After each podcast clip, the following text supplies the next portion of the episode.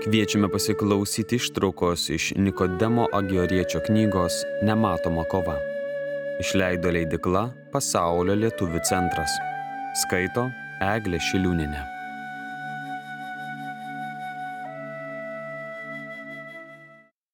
Pirmas skyrius.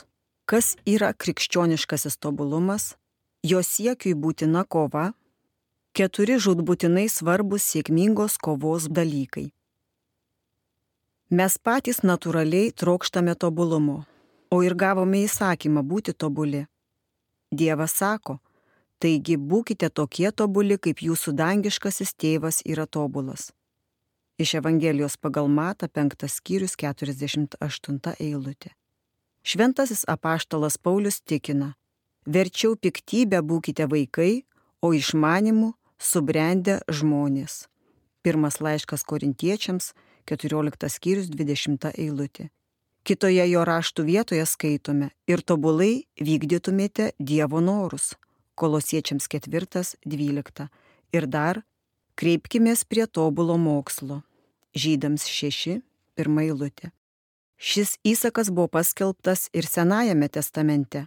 Pakartoto įstatymo knygoje Dievas taip sako izraelitams. Tu tad turi būti nuoširdžiai ištikimas viešpačiui savo Dievui. Iš pakartoto įstatymo 18 skyriaus 13 eilutės. Šventasis Dovydas taip pat įsako savo sūnui Saliamonui, o tu, mano sūnau Saliamonai, pažink savo tėvo Dievą ir tarnauk jam visa širdimi ir visa gyvastimi. Pirmoji karalių 28 skyrius 9 eilutė. Turėdami tai galvoje negalime nematyti, jog Dievas iš krikščionio reikalauja tobulumo pilnatvės. Tai yra, kad ištobulintume visas dorybės. Ir jei tu, Kristaus pamiltasis broli ir mano skaitytojau trokšti pasiekti tokių aukštumų, tau būtina iš anksto žinoti, kasgi sudaro krikščioniškoji tobulumą ir kur jisai slypi. Tai labai svarbus klausimas nes jį aplenkdami ir nesužinoję atsakymo galime pasukti klystkeliu. Nors iš pažiūros ir atrodytų, jog einame tobulumo keliu, galime pasukti visai kitą kryptimi. Pasakysiu tiesiai. Pats tobuliausias bei didžiausias dalykas, kokio žmogus gali trokšti ir pasiekti, yra suartėjimas su Dievu ir buvimas vienybėje su juo.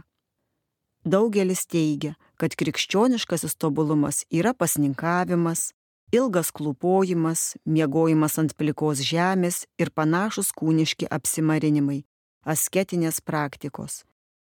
Kiti pabrėžia maldų gausą namuose ir bažnyčioje. Dar kitiems svarbiausia mastomoji malda, kontempliacija, atsiskyrėliškumas, tyla, tačiau daugelis laikosi tikslios įstatymo nustatytos pasiaukojimo praktikos paisydami aukso vidurio. Deja, visos šios darybės pačios vienos nesudaro siekiamo krikščioniškojo tobulumo, bet yra tik puikios priemonės ir būdai jam pasiekti. Kad taip yra, nekyla jokių abejonių. Matome daugybę dorybingų vyrų, kurie teisingai praktikuoja šias dorybės tam, kad dėl jų įgytų jėgos bei galios kovodami su nuodėmėmis ir savo skurdu, pasisėmė iš jų drąsos, įdant galėtų pasipriešinti gundimams bei vilionėms, kuriuos sukelia trys pagrindiniai priešai - kūnas, pasaulis, šėtonas. Tai priemonės suteikiančios Dievo tarnams kovai taip reikalingų dvasinių galių, ypač jos naudingos pradedantiesiems. Jie pasninkauja, kad apramintų ir sutramdytų audringą kūno prigimtį. Būdi, įdant žvilgsnis į pasaulį taptų skvarbus ir išmintingas. Miegant pliko žemė saugodamiesi lepumo, apsisprendžia gyventi tyloje, sutramdo liežuvį ir atsiskiria, kad išvengtų net ir mažiausio Dievo įžeidimo, meldžiasi, tarnauja bažnyčioje ir atlieka kitus pamaldžius veiksmus tam, įdant dėmesys netitrūktų nuo dangiškųjų reikalų. Skaito knygas apie Jėzaus gyvenimą ir kančią, tik dėl to, kad labiau pažintų savo skurdą ir Dievo gerumą, kad galėtų sekti viešpačiu Jėzumi Kristumi ir nešti savo į kryžių, kad vis labiau pamiltų Dievą, o ne save. Iš kitos pusės, tiems, kuriems minėtos darybės tampa jų gyvenimo pagrindu, teikiančių pasitikėjimą, jų praktikavimas gali pridaryti kur kas daugiau žalos nei akivaizdus jų apleidimas. Žalingos jos tampa ne pačios savaime, nes šiaip jau kreipia į pamaldumą ir šventumą, bet dėl kalties tų, kurie neteisingai jomis naudojasi. Būtent tada, kai dėmesys sutelkiamas vien į išoriškai praktikuojamas dorybės, o širdis paliekama savo ir velnio valiai, pastarasis, matydamas, kad nukrypstama nuo teisingo kelio, ne tik, kad netrukdo su džiaugsmu pasiryšti tokiems kūniškiems žygdarbėms, bet dar labiau paskatina jų įvairovę ir gausą.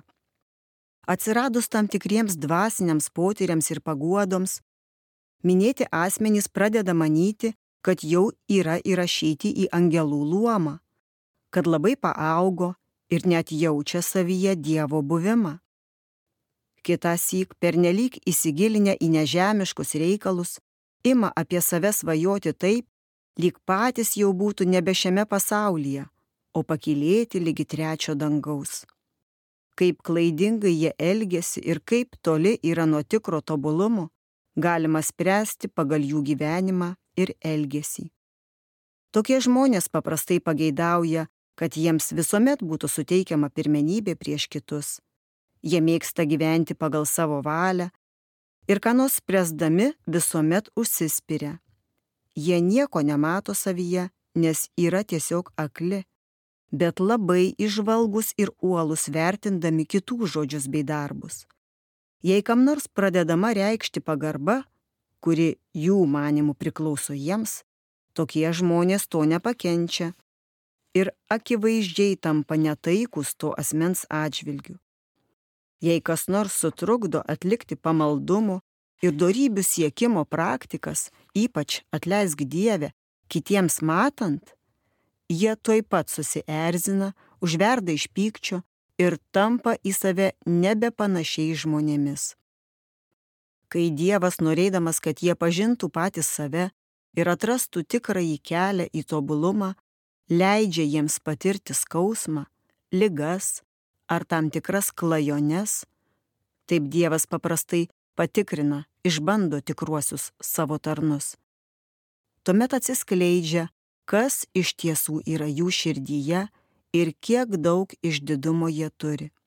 Kad ir kokia neganda tokiems žmonėms atsitinka, jie nenori atsisakyti savo valios ir paklusti Dievo valiai, o randa ramybę jo teisme nenori sekti dėl mūsų nusižeminusių ir nukentėjusių viešpačių Jėzumi Kristumi, Dievo sūnumi. Nenori nusižeminti labiau už visus kūrinius, o savo persekiotojų laikyti geriausiais mokytojais bei draugais, nors tai ir yra dieviškojo gerumo jiems duotos priemonės, būtinos išgelbėjimui. Akivaizdu, kad šie žmonės yra patekę į didelį pavojų nes jų vidinis žvilgsnis, protas yra aptemęs, tad žvelgdami į save mato neteisingą vaizdą. Svarstydami savo išorinius pamaldumo darbus ir manydami juos esant gerus, pradeda galvoti, kad jie jau pasiekė tobulumą ir dėl to įsiliepsnojus puikybei ima teisti kitus. Taip atsitikus jau nebelieka galimybės kad koks nors žmogus galėtų padėti jiems atsiversti. Reikalingas ypatingas Dievo veikimas. Ir greičiau jau atsivers akivaizdus nusidėjėlis, nei tas, kuris yra prisidengęs regimų darybių praktikavimu. Taigi dabar, taip aiškiai ir konkrečiai sužinojęs, kad dvasinio gyvenimo bei tobulumo esmė nėra vien matomų darybių praktikavimas, turi suprasti ir tai, kad esmė suartėjimas su Dievu ir vienybė su juo, kaip buvo sakyta pradžioje. O tai nuoširdus Dievo gerumo ir didybės išpažinimas, savo menkumo bei polinkio į visokį blogį suvokimas, meilė Dievui ir nemailė savo, paklusnumas ne tik Dievui, bet ir visiems Dievo kūriniams, iš meilės Dievui. Savo valios atsisakymas ir visiškas paklusimas Dievo valiai. Beje, viso to trokšti ir tai atlikti turime nuoširdžiai, dėl Dievo garbės. Žiūrėkime pirmąjį laišką korintiečiams 10 skyrių 31 eilutę. Vien siekdami patikti Dievui ir tik todėl, kad Jis to nori ir kad būtent taip mums priklauso jį mylėti bei jam darbuotis. Tai meilės įstatymas, kurį pats Dievas įrašė ištikimųjų savo tarnų širdyse. Tai toks savęs atsisakymas, kokio iš mūsų reikalauja Dievas. Tai tas švelnusis Kristaus jungas ir jo lengvoji našta. Tai toks paklusnumas Dievo valiai, kokio iš mūsų reikalauja atpirkėjas bei mokytojas, apreikšdamas tai asmeniniu pavyzdžiu ir savo žodžiu. Argi mūsų vadovas ir išganytojas neįsakė maldoje kreiptis į dangišką į tėvą. Todėl melskitės taip, tėve mūsų, te esie tavo valia. Iš Evangelijos pagal Mata 6 skyrius 90 eilutės. O ir jis pats, pasirinkdamas kančio žygdarbi, argi nesakė, tačiau te būna ne mano, bet tavo valia Luko 22, 42 eilutė. Argi jis nesakė apie visą savo misiją, nes aš nužengiau iš dangaus vykdyti ne savo valios, bet valios to, kuris mane siunti. Jono 6.38. Matai, mano broli, koks čia reikalas. Tikiuosi, tu pasirengęs siekti tokio tobulumo aukštumų.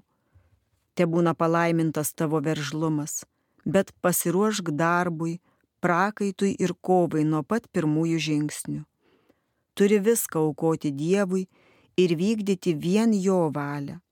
Tačiau savyje rasi tiek savų valių, kiek turi jėgų ir troškimų, kurie vis reikalauja pasitenkinimo, bet nekreipia dėmesio į tai, ar jie atitinka Dievo valią. Todėl, kai sieksi užsibriežto tikslo, tau pirmiausia teks užgneušti savas valias, galop visai jas sunaikinti ir numarinti. Ir kad darytumėj pažangą, reikia nuolatos priešintis pačiam savo, kad nepasirinktumėj blogio, o prisiverstumėj daryti gėrį. Kitaip tariant, be perstojo reikia kovoti su savimi ir visu tuo, kas pataikauja tavo valiai, kas ją sužadina ir palaiko. Ruoškis tokiams grumtynėms ir tokiai kovai. Žinok, kad vainikas, tavo siekiamas tikslas, neduodamas niekam kitam, o tik narsiam kovotojui. Tiek, kiek nematoma kova yra sunkesnė už visas kitas kovas, nes stojas į kovą su pačiu savimi, savyje randi ir priešininką tiek pergalė joje yra šlovingesnė už visas kitas pergalės, o svarbiausia - už viską malonesnė Dievui. Nes jei įkvėptas veržlumo nugalėsi ir numarinsi savo netvarkingas aistras, geismus bei valią, tai patiks ir pasitarnausi jam labiau, nei plakdamasis iki kraujo ar pasninkaudamas daugiau nei senieji dykumos tėvai. Net jei išpirktum šimtus krikščionių vergų iš nedorėlių ir suteiktum jiems laisvę, tai tavęs neišgelbėtų. Jei tai darydamas pats būsi aistrų vergas. Kad ir koks būtų užmojis, net ir pats didingiausias, kurio imtumėsi ir atliktum, įveikęs sunkumus ir daug paukojęs, jis net ves tavęs į siekiamą tikslą jei lygiai grečiai nekreipsi dėmesio į savo aistras ir leisi joms laisvai gyvuoti bei veikti tavyje. Štai ir sužinojai, kas yra krikščioniškasis tobulumas ir kad norint jį pasiekti būtina nuolatinė, griežta kova su pačiu savimi. Ir jei nuoširdžiai nori tapti šios kovos nugalėtoju ir už tai gauti atitinkamą vainiką, Tau reikia širdyje įtvirtinti keturis troškimus bei dvasinius pasiryžimus, lyg apsisiausti pačiais patikimiausiais ir visą nugalinčiais nematomais ginklais. Niekada jokiame reikale nepasitikėti savimi. Be atodairo širdyje puoselėti visišką pasitikėjimą vieninteliu Dievu. Nepaliaujamai darbuotis stengtis, be paliovos melstis.